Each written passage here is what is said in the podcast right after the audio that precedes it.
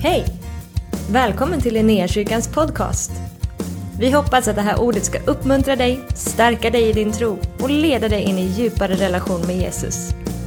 Gud välsigne dig i ditt lyssnande. Fantastiskt kul att vara här. Mitt namn är Daniel Thorvaldsson. Alltså det är ju mäktigt. Ni har folk på läktaren.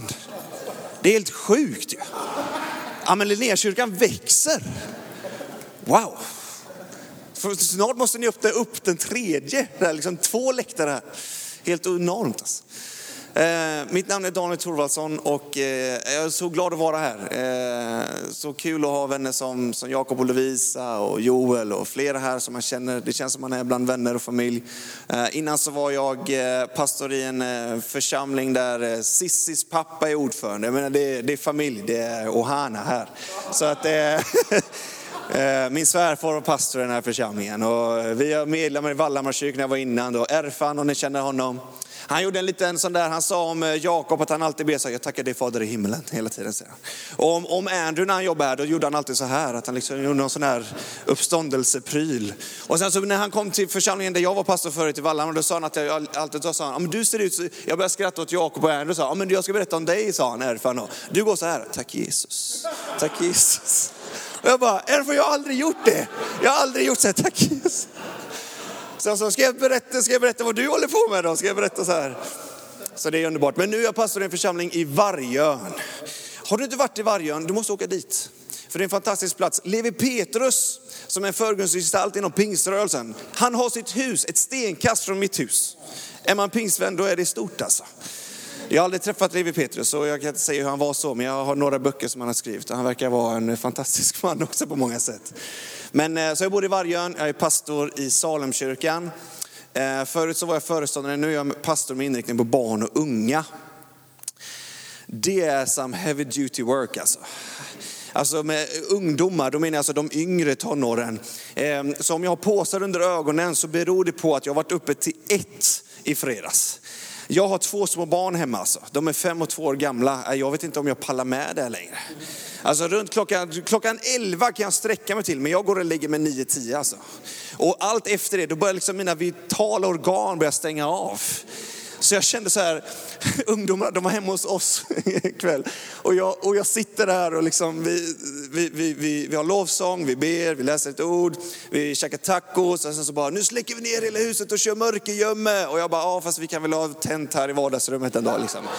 Och jag bara känner, jag, jag måste plocka fram det här ungdomliga i mig. Nu är jag 33 men jag känner ändå att det är ett steg att gå dit. Och så säger de till slut när de sitter och degar hemma i min soffa jag håller typ på att somna. Så är det en tjej som heter Tinder, hon bara, alltså kolla på Daniel, han är så sliten. Vi måste gå hem liksom, så han får sova. Så om ni undrar varför jag är lite mörk under ögonen så beror det på det. Men jag är väldigt glad att vara här. Underbart att bara bli ledd i lovsång och tillbedjan på det här sättet. Och fantastiskt med bönevecka. Alltså. Det, får vi, får vi, det ska jag tipsa om i Salemkyrkan, det får vi ha snart igen. Nej, vi har också det. Nästa, om två veckor ska vi ha det. Så Hörrni, Jakob har bett mig att eh, predika lite om livet i den helige ande. Eh, livet i den helige ande. Ande som är Jesus ande. Och jag tycker det är så gott, man kan sätta så många olika prepositioner på det här temat. Liksom. Livet i den helige ande, livet med den helige ande. Det är i honom vi rör oss och i honom vi är till.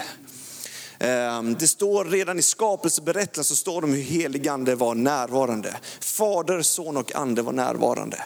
Och hur när jorden var helt öde och tom och kaos så säger Gud ett ord.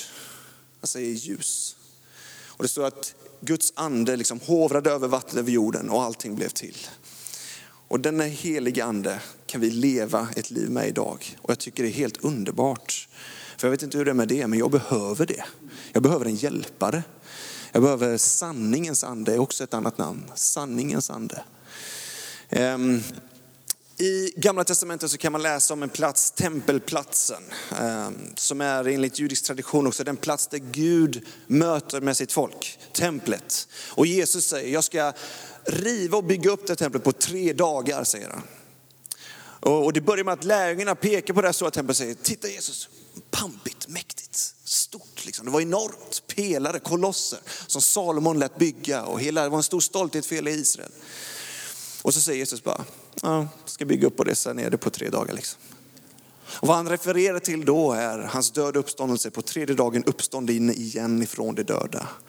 Och sen så säger Paulus i Korinthierbrevet att våra kroppar är den helige andes tempel. Platsen där han vill möta dig och mig är i din kropp. I ditt liv. I din vardag. Och jag känner, jag, jag, det känns som att jag, jag precis, jag vill, jag vill ha mer av det. Jag vill, jag vill veta mer hur det ser ut. Att livet i den helige ande, det är liksom konstant. Det är inte som att vi kommer hit ikväll och vi har underbar lovsång och vi, vi liksom får, får, får höra Jakob och, och alla bara peppar oss och det känns underbart. Och sen går jag härifrån och så är livet med den heliga ande över. Utan någonstans, det är liksom här vi får komma samlade, bli uppbyggda, utrustade av hans ord och tillbe honom. Ära vare Gud i höjden och frid på jorden bland människor han älskar. Men det är när vi går härifrån, det bästa med den här gudstjänsten, vet du vad det är? Det är att den kommer ta slut. Och att vi får gå härifrån. Eller? Det är väl teologiskt korrekt, eller hur? Det bästa är att vi kommer lämna här. Och så komma tillbaks förhoppningsvis också. Men vi kommer gå härifrån styrkta, utrustade för att leva ut vad den helige ande vill göra och vad Gud vill göra. Jag Eh, jag vill, som sagt, jag vill, jag vill, jag, jag, jag vill komma med en, liksom en, en, en, en ödmjuk inställning, en lärandes inställning. Att jag, jag har så mycket mer att lära av Gud, av den helige Ande. Han är, han är precis som Jesus, liksom, mästaren, rabbin, läraren. Jag vill lära mig mer av hur livet i den helige Ande fungerar. Ehm, allt ifrån det profetiska att dela ord till människor. Jag, jag kan få det till mig, jag får oftast bilder sådär. Så, så känner jag att Gud liksom ber mig att dela det med människor på stan. Eh, och jag är en ganska frimodig kille så jag, jag, tycker det är rätt så roligt att göra det. Och ibland så är det helt, inte alls, eh, tas inte alls emot så. För, det kanske, jag kanske hörde fel. Va? Men jag vill tänka att jag ibland hör rätt och det vet jag att jag gör för ibland blir det bara spot on. Eh, en gång så var vi, hade vi möjligheten att åka iväg på en, eh, en outreach-resa till Visby. Eh, när jag var en, till teamet i, pastorsteamet i Citykyrkan i Stockholm. Och då åkte vi till Visby under Stockholmsveckan. Och det är en vecka fullt med partajande och party. Eh, och då, eh, så på, innan den eh, kvällen där så bad vi, som vi gjorde här. Och så bad vi, gjorde vi så att säga treasure hunts. Har ni hört det uttrycket någon gång? Nej, jag ska beskriva vad det är. Det är några som har. Eh, skattjakt då.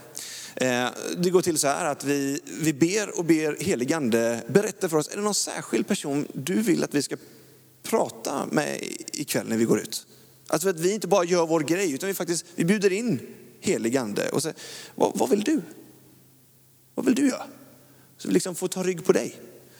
Um, och då så finns det massvis med olika sätt man kan göra detta på. Men jag gillar det här med skattjakt för att någonstans handlar, då, då gör man en, så att säga, en skattkarta med eh, det Bibeln kallar för kunskapens ord. Alltså ord av uppmuntran eller att man får reda på saker om människor. Det låter jättecreepy men alltså vi får, vi får liksom, det kan vara alltifrån att ja, men den här, vi tror att det är en kvinna med en, eh, en gul eh, tröja.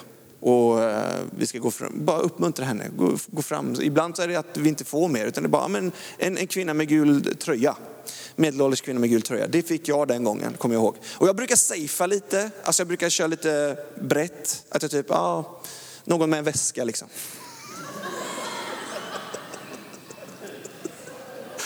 Bara för att jag, jag håller på, återigen, jag kommer ödmjukt inte för det här. Jag vill liksom, ja men det är tråkigt om mitt är det enda ordet som inte går uppfyllelse den.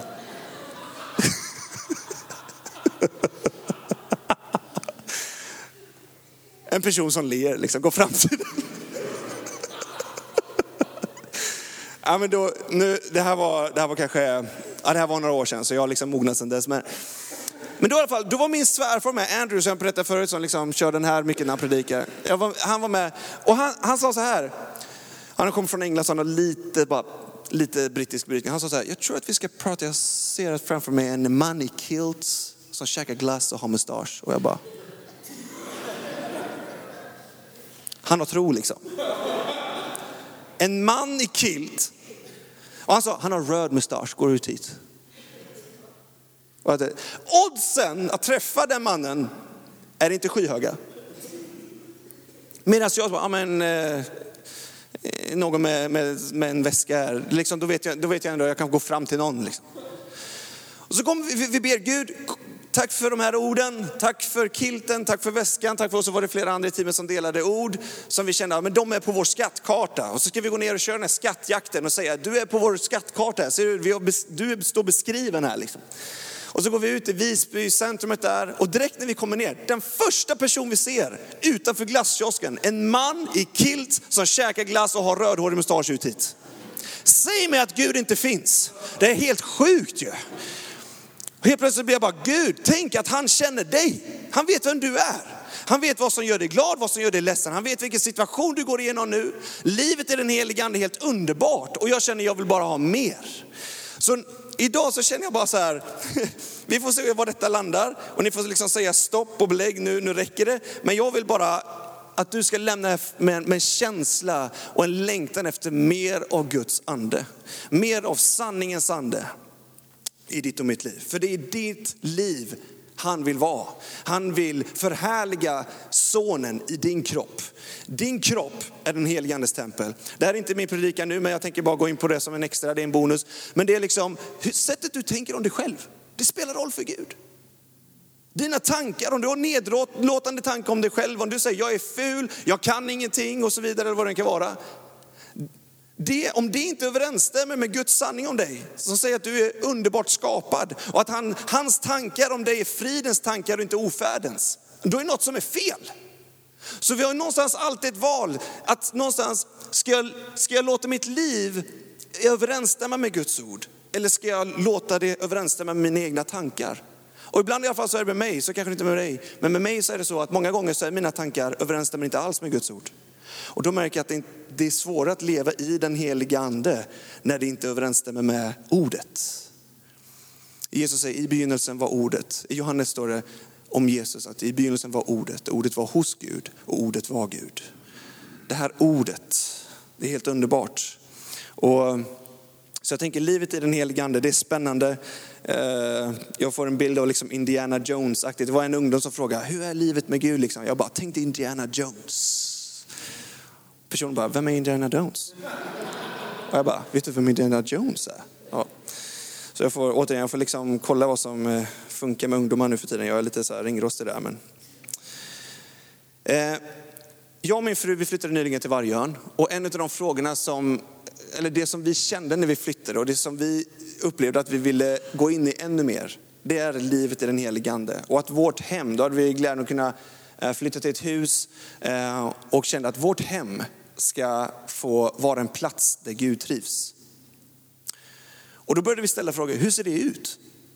För livet i den helige ande, det tror jag är ett liv, ett välbehagligt liv inför Gud. Det är ett liv som ger Gud ära. Så då tänkte vi, hur, hur kan våra liv, var, var, var, trivs Gud? Hur ser det ut där Gud trivs? Och så fick vi börja tänka, ja, men var trivs vi? Var, hur är det där jag trivs? Ja, men om jag är hemma hos någon så, så är det, ja, men det är ju, jag tänkte det är trevligt om de öppnar dörren tänkte jag säga. Men det är faktiskt inte helt självklart heller. Men att man är, det är öppet, det är välkomnat, det är gästfritt, kanske god mat. Vi älskar att ha människor över, eh, liksom hemma hos oss. Och jag började tänka, vi började tänka i de termerna för att se, hur ser ett, välbehag, ett liv som ger Gud är, hur ser det ut? Om vi nu vill att det ska vara ett, en plats där Gud trivs. Och så började vi tänka mer och mer på det där. Ehm, och så börjar vi liksom på något sätt skissa på, ja, men det är så här som vi vill leva våra liv. Och, och så finns det en, en bibeltext i Uppenbarelseboken kapitel 3, vers 20. Där Johannes får en, en uppenbarelse. Och där Gud säger till honom så här. Se, jag står vid dörren och knackar. Om någon hör min röst och öppnar dörren så ska jag gå in till honom och hålla måltid med honom och han med mig. Den texten har vi burit med oss sedan dess. Någonstans, platsen där Gud trivs, det tror jag det är där han är välkommen. Eller hur? Är han välkommen in i mitt liv? Absolut. Finns det områden i mitt liv där jag faktiskt stängt ute Gud? Ja, det finns det. Så om hela mitt liv ska ge Gud ära så behöver jag någonsin bara säga välkommen in Jesus. Och jag tror det är nog steg nummer ett, ett liv i den helige ande, det är att säga kom helige ande. Kom in i de här områdena i mitt hjärta. Där mitt liv, min, mitt vardagsliv får ge Gud ära, hur det än ser ut. Där han är välkommen. För då har han sagt att, när man, och jag, jag tänker så, mycket, så, så är det ju ibland, det kan vara så små saker som att, alltså om jag och min fru, om vi liksom skulle ta tvätten eller någonting annat när jag bjudit hem någon till oss, så, så, och vi inte hör dem komma, då kan ju de stå där liksom och inte bli insläppta. Men någonstans så är det att ett första steg är att bara säga, kom heligande, kom Gud in hit och öppna upp för honom. Att höra hans röst. Troligtvis så står Gud inte bara och knackar, utan han säger, hallå, tjena jag är här nu, får jag komma in? Och bara här finns det någonting av Guds karaktärsdrag som jag tycker är helt enormt vackert. Det är att han bryter sig inte in. Han sparkar inte in en dörr. Han skulle lätt kunna göra det, men han gör inte det. Utan han väntar på att du ska öppna. Hemma så brukar jag, jag älskar eh, att bli utelåst. Eh, för då vet jag att jag är beroende av, då vet jag att mina barn kommer att öppna åt mig. Och det blir jag ofta, för att jag byter ofta jackor. Alltså så här, det är en dålig vana jag har. Och då har jag oftast nycklarna i en jackficka och sen så hänger jag av mig den och så tar jag en annan bara på vägen ut och så kommer jag på att jag har dem inte på mig. Så jag kommer inte in. Och dörren går ju bara att öppnas från ena hållet. Vilket för mig bara är en fantastisk bild av den fria viljan. Att Gud skulle aldrig våldföra sig på dig utan han väntar på att du öppnar upp åt honom. Det är ett gudomligt attribut, den fria viljan. Det är någonting du och jag tar för givet kanske. Men att du har fri vilja, du, du blir inte släpad dit förhoppningsvis. Men du, fick, du, hade, du är här av fri vilja. Gud har gett dig den fria viljan. Så du har redan någonting att vara tacksam över i ditt liv. Och så, och så kommer jag där och så plingar jag på. Jag knackar på dörren och säger så här, och så får jag ropa lite om de inte hör mig. Men de hör mig med en gång. De hör till och med, de börjar springa de hör bilen rulla in på garageuppfarten. Och så springer de in och bara och så hör jag hur de liksom har svårt att vrida om och det typ tar, tar en kvart för dem att öppna dörren. Och till slut när de öppnar så får jag en stor kram. Ja, men det värmer ett pappahjärta gott att det får vara så. Och då känner jag att jag får, vara, att jag får bli välkomnad hem så, det är helt underbart. Jag snackade med en vän, Alfred Nygren, nyligen. Han har skaffat hund och han sa, ja, men vad, hur känns det att ha hund? Han bara, ja, det är underbart att bli välkomnad hem när man kommer hem, sa han. För det blir han av hunden, men hans familj liksom, ja, Alfred är hemma liksom. men detta att bli välkomnad, jag vet inte varför det finns, det här är ett sånt brett tema, det finns så enormt mycket man skulle predika om det, men jag bara känner det. Alltså leva våra liv, ett liv där Jesus är välkommen. Där Fader, Son och Ande är välkommen. Det är tre i en, treenigheten. Jag tycker det är bara, jag studerar mycket nu liksom hur de är mot varandra, det är helt enormt. Bara där om du tittar på hur Gud är i treenigheten. Hur Fadern sänder sin son. Och när Jesus döps så säger Fadern om sonen, detta är min son som jag älskar. Fadern bara säger, jag älskar min son. Jesus säger, jag gör inget, alltså jag kan ta no cred. Allt jag gör, det ni ser här, det har jag bara sett min pappa göra i himlen. Han bara skickar tillbaka, bara kastar ljus på varandra hela tiden. Helig ande, Jesus säger så här, vet ni vad? Ni har sett stora ting, större ting ska ni få se. När han talar om livet i den heliga ande, när han talar om hjälparen, sinnande. Det är bra att jag drar och de fattar inte, för Jesus säger, dit jag går kan inte ni, kom, kan inte ni följa med. Och lärjungarna fattar ingenting, liksom. vad, vad menar du här? Och så börjar han berätta om att nu, jag går och förbereder plats för er i himlen. En dag ska han välkomna oss till sitt rike. Han, det står att han förbereder plats i sitt, i sitt rike. Det står att han, han säger, jag ska inte dricka utav det druvan ger, utav vinet. Han, liksom, han har en, en, en alkoholfasta i himlen för din och min skull. Jag kommer inte på något bättre ord för det, men han avstår från det. Han fastar, han längtar efter dig, att få vara med dig förbereder plats för dig och mig den dagen vi knackar på. Så att livet, livet i den helige ande, det är otroligt spännande, det finns jättemycket att säga om det. Men jag skulle bara vilja uppmuntra dig att, att bara tänka dig, var trivs Gud? Lever jag ett liv som är välbehagligt inför honom? Finns det någonting i mitt liv som, som jag känner, det här, undrar, det här skulle nog inte han godkänna, det här skulle nog, det här kanske inte ger Gud ära. Jag brukade mobba folk i högstadiet. Aldrig fysiskt, men verbalt. Det är nästan värre. Vissa av er kanske har varit utsatta för sådana som mig någon gång. trycka ner andra för att själv känna sig någon form av fake makt. Känna att jag är bra, jag behöver trycka ner andra för att själv må bra.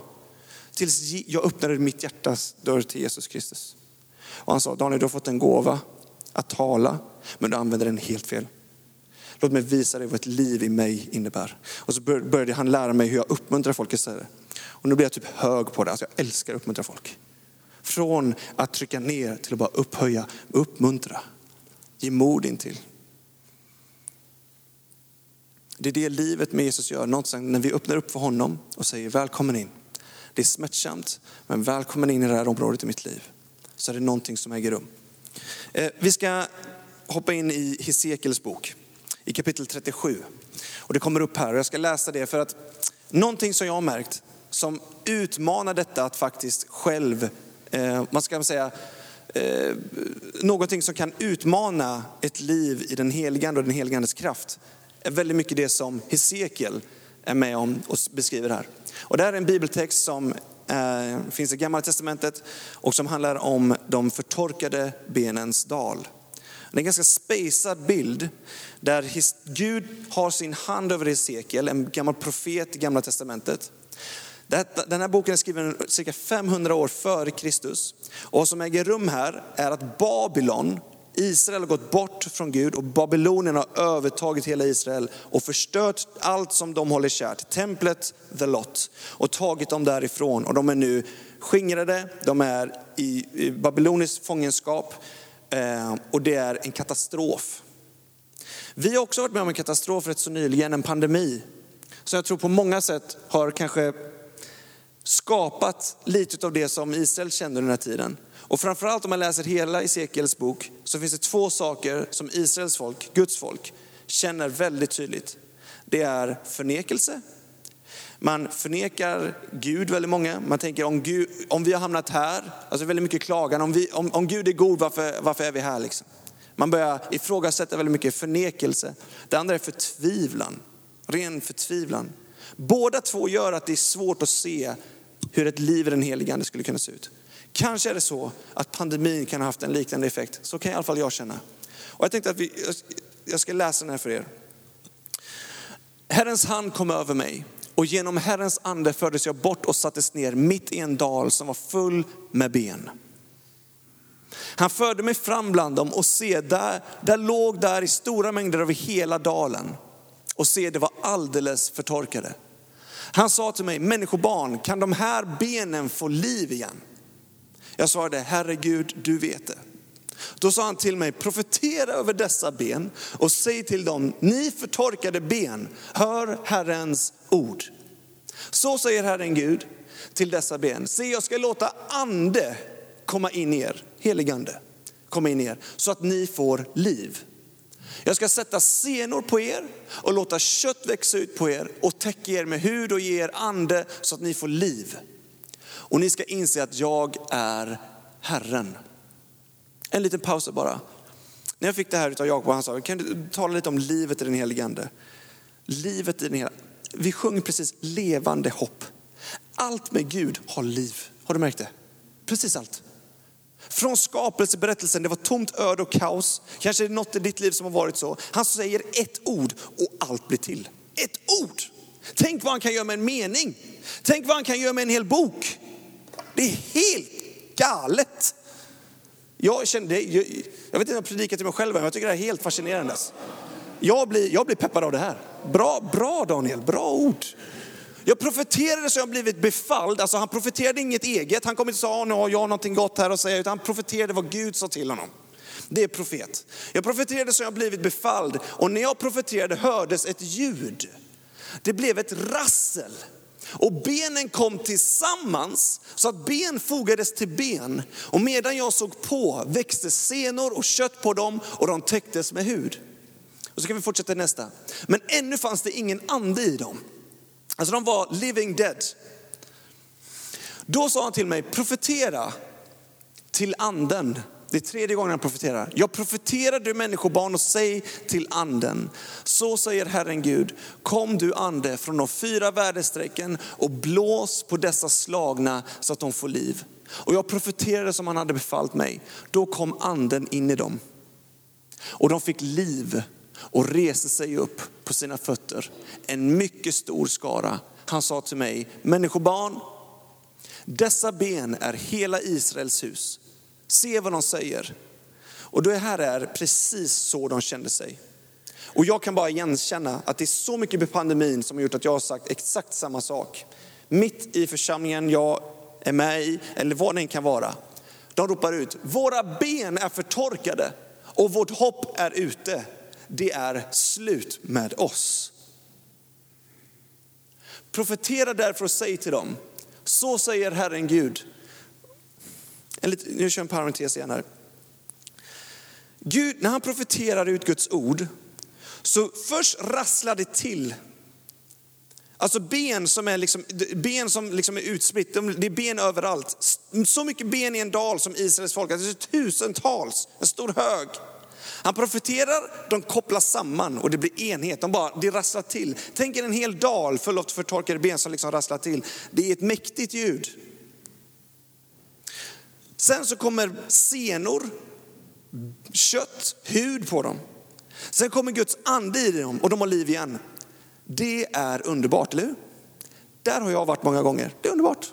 Jag har helig ande. Jag har kött och blod, jag kan gå runt och det är jättegott. Och ändå, kristen som jag är, och jag är döpt, jag har helig ande, och ändå upplever jag hopplöshet. Har du märkt det? Är det någon kristen här inne som har varit med om hopplöshet någon gång? Märkligt. Skumt. Precis så var det här. Hopplöshet, det är ute med oss. De har fått tillbaka livet. Och en hel armé som säger det är slut med oss. Profetera därför och säg till dem, så säger Herren Gud. Och det är vad jag upplever att Gud vill säga över dig idag. Se, jag ska öppna era gravar och hämta upp er mitt folk ur era gravar, så här efter pandemin. Och låta er komma till Israels land. Ni ska inse att jag är Herren. När jag öppnar era gravar och för upp er mitt folk ur dem. Jag ska låta min ande komma in i er så att ni får liv och jag ska låta er få bo i ert land. Och ni ska inse att jag, Herren, har sagt det och jag har gjort det, säger Herren. Vi kan låta det ligga kvar. Han har sagt det och han har gjort det. Alltså Gud är den Gud som fullbordar. Han håller vad han lovar. Det här är typ som copy-pastat in i nya testamentet. Jag vet inte hur många gånger jag har varit som ett förtorkat ben. Det har bara känt det är torrt. Jag har ingenting att ge. Varje ny tjänst jag har fått så, så är det som att någonting nytt har kommit till mig. Det började med när jag skulle börja plugga till pastor. Varför gör jag det här? Kommer jag klara detta? Sen när jag fick en första pastortjänst så bara, har jag vad som krävs? Sen när jag blir föreståndare har jag vad som krävs. Nu när jag jobbar med barn och ungdomar, jag har inte vad som krävs. Vi hade en serie nu som heter Jesus är. Där man liksom får fylla i själv vem Jesus är. Liksom. Vi vill liksom på något sätt ge dem det. Vill inte, vi vill inte säga till folk vad de ska tro, utan ska få liksom själva, vi vill leda dem till Jesus, men mötet med Jesus kan inte vi, liksom, det är mellan Gud och dem. Och att de själva ska själva liksom få self-discover truth, man säger. de ska finna sanningen.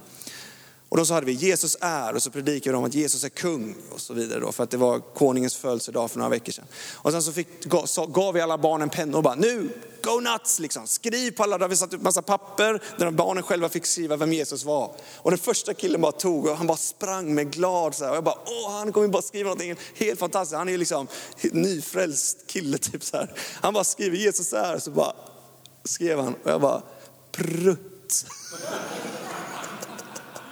Och jag bara, he'll get there.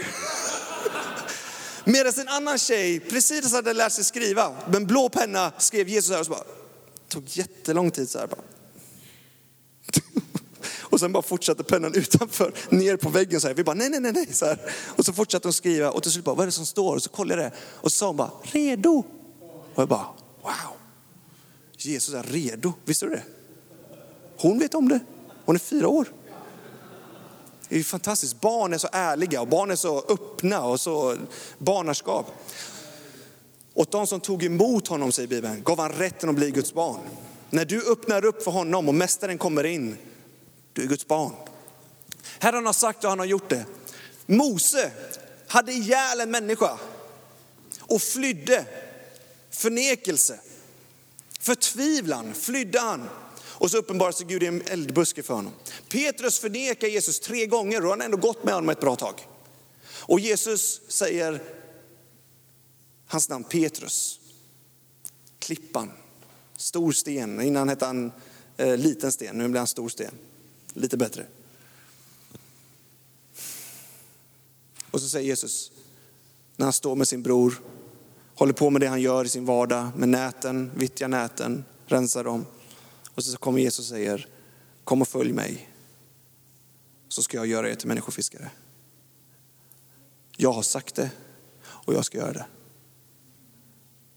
Petrus kunde inte göra det i egen kraft. Han säger, kom och följ mig så ska jag göra er. Ordet säger, ordet gör oss till det som han vill att vi ska vara. Allt vi behöver göra är att öppna upp, kliva in i det. Så jag tänkte bjuda fram lovsångsteamet så ska vi gå in för landning här. Men jag upplever, jag upplever att, att det Gud någonstans vill göra här med oss ikväll är att vi bara skulle säga Jesus välkommen. Välkommen helig ande in i mitt liv. Kanske befinner du dig på en plats där du känner att jag känner mig torr. Det är områden i mitt liv som är för torkat. Jag känner mig som ett förtorkat ben. Liksom. Och jag ska vara helt ärlig, det finns ingenting förutom Guds ord som blir profeterat och uttalat över dig som kan få dig att samla dig själv, som kan skapa kött och senor på dina ben, som kan skapa hud på dina ben. Det är bara i Guds, livet i, helig, livet i den heliga ande som kan ge oss liv, sant liv. Och så reser sig den här armén upp. Jag tror det här är en profetisk bild, inte bara för dig själv i ditt eget liv, utan det är en profetisk bild för kyrkan i vårt land nu efter pandemin. Låt oss gå från att säga det är slut med oss. Du kanske är här och ditt äktenskap är under en enorm press just nu. Och du säger det är slut med mitt äktenskap. Den enda som kan rädda dig, det är inte jag, det är inte Jakob, det är ingen annan, det är bara Jesus Kristus. Jag skulle någonstans vilja peta lite på det och säga, vi har behov av en frälsare.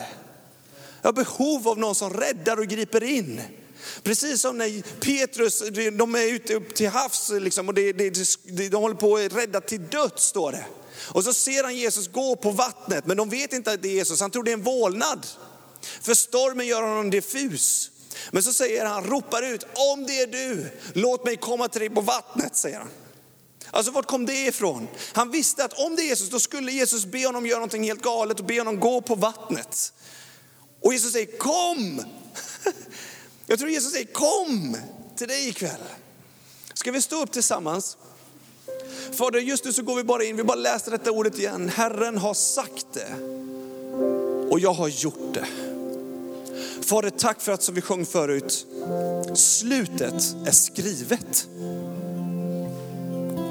Slutet är skrivet alltså.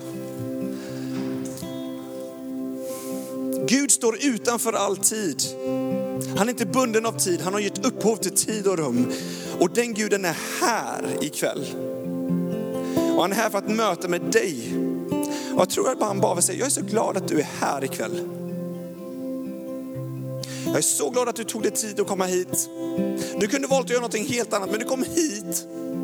Och jag så ber att det här inte bara var, det var en massa ord jag hade med mig, jag ber så att Guds ord skulle få verk, vara verksam i ditt liv.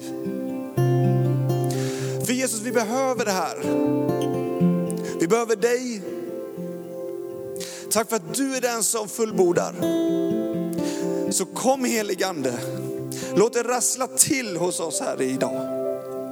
Låt det få foga samman. Jag ber Gud att det ska få gå nu från att vi säger det är slut med oss, det är hopplöst. Där vi börjar profetera och tala ditt ord över oss. Att du är livet, du är vägen, du är sanningen och du är livet självt.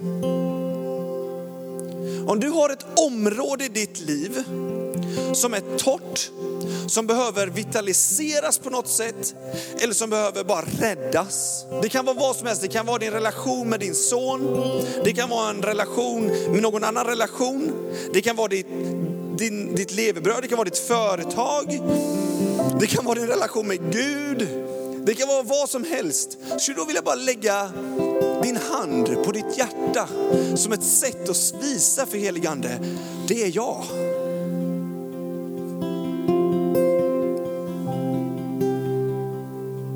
Heligande kom. Nu lämnar vi över till dig. Bara det du kan göra.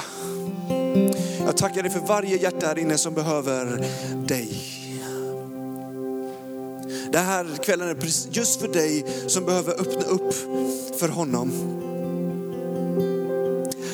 Han står och knackar, hör. Hör hans röst. Hör hans ord, säg hur han kallar dig vid namn.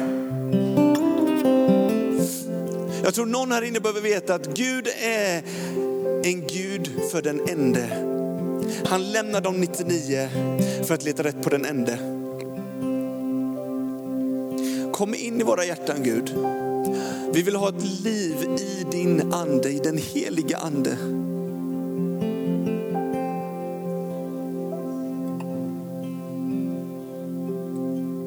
Jag tror du är här som har tror du är här som liksom har brottats med vart Gud är i eh, Ja, men Gud har liksom kanske kommit lite på efterkälken. Han har varit någon som, som, du, som du, har hört, du har hört hans röst liksom bjuda in dig flera gånger. Men det, är liksom, det har varit annat som har tagit tid. Jag tror han kommer och knackar. Han knackar på ikväll. Och han säger, får jag komma in? Kan vi inte ta något att äta tillsammans? Så Gud, kom in och ha måltid med oss. Jag tror också att du finns här som kanske har ett område i ditt hjärta. Du är frälst, du har gett ditt liv till Jesus och eh, det är underbart. Men så finns det ett rum långt, långt, långt in i ditt hjärta som bara, det är någonting du kan ha gjort eller någonting du har varit med om som är fruktansvärt. Och du har bara barrikerat, du har tagit stolen mot liksom dörrhandtaget. Du har sagt, ingen, no trespassing, ingen får komma in här. Han knackar på och säger ikväll, han säger, får jag komma in? Jag vill inte bara ha en bit av dig, utan jag vill ha hela dig. Our God is a God who pursues. Han, han, han uppvaktar, han jagar, han springer efter dig. Bara den bilden tror jag till någon här. Bara hur han springer dig till mötes.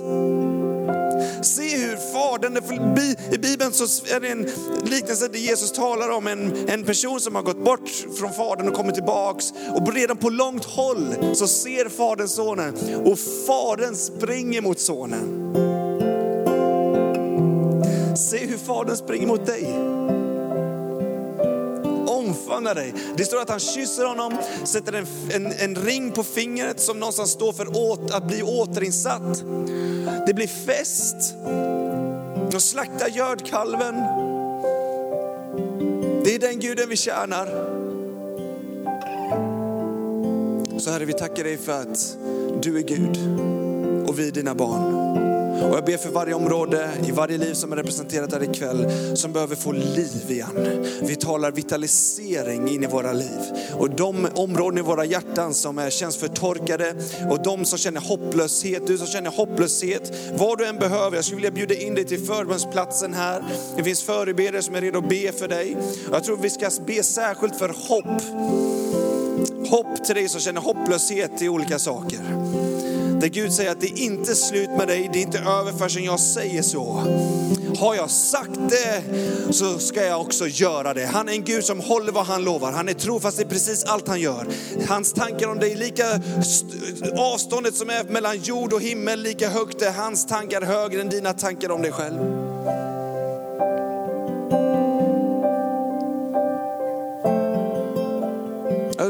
En sista inbjudan. Du som bara vill bjuda in heligande mer i ditt liv. Sträck fram dina händer som ett sätt att ta emot. Ta emot heligande. Det är Jesus ande. Kom heligande, för varje person som var med av dig. Fyll oss heligande här idag. Tack för att du är en ande som älskar att fylla allt på alla sätt, står det. I Jesu mäktiga namn.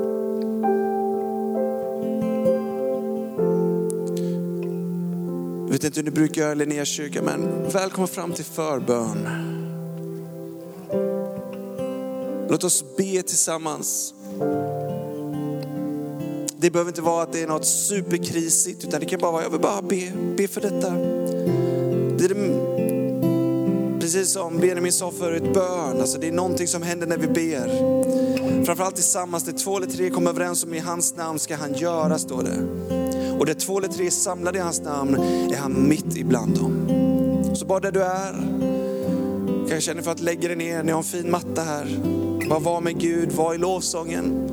Men kom till förbön, jag tror det är någonting som Gud vill göra på förbönsplatsen ikväll. Tack för att du har varit med oss. Hoppas du känner dig inspirerad av Guds ord och har fått nya perspektiv. Hör gärna av dig till oss och berätta om Gud har rört vid dig på något sätt. Vi är så glada att få höra vittnesbörd om vad Gud gör. Du kan mejla oss på adressen info och dit kan du även mejla om du har ett böneämne som du önskar att vi ber för. Eller om du har tagit emot Jesus och inte har någon bibel så vill vi mer än gärna skicka en bibel till dig. Skicka ett mejl med ditt namn och dina adressuppgifter till info så ser vi till att du får en. Om du vill ge en gåva till Linnéakyrkans arbete för att nå fler människor med evangelium så kan du swisha till 123 520 0993. Du kan också besöka oss på linneakyrkan.se för att få mer information. Välkommen tillbaka att lyssna snart igen.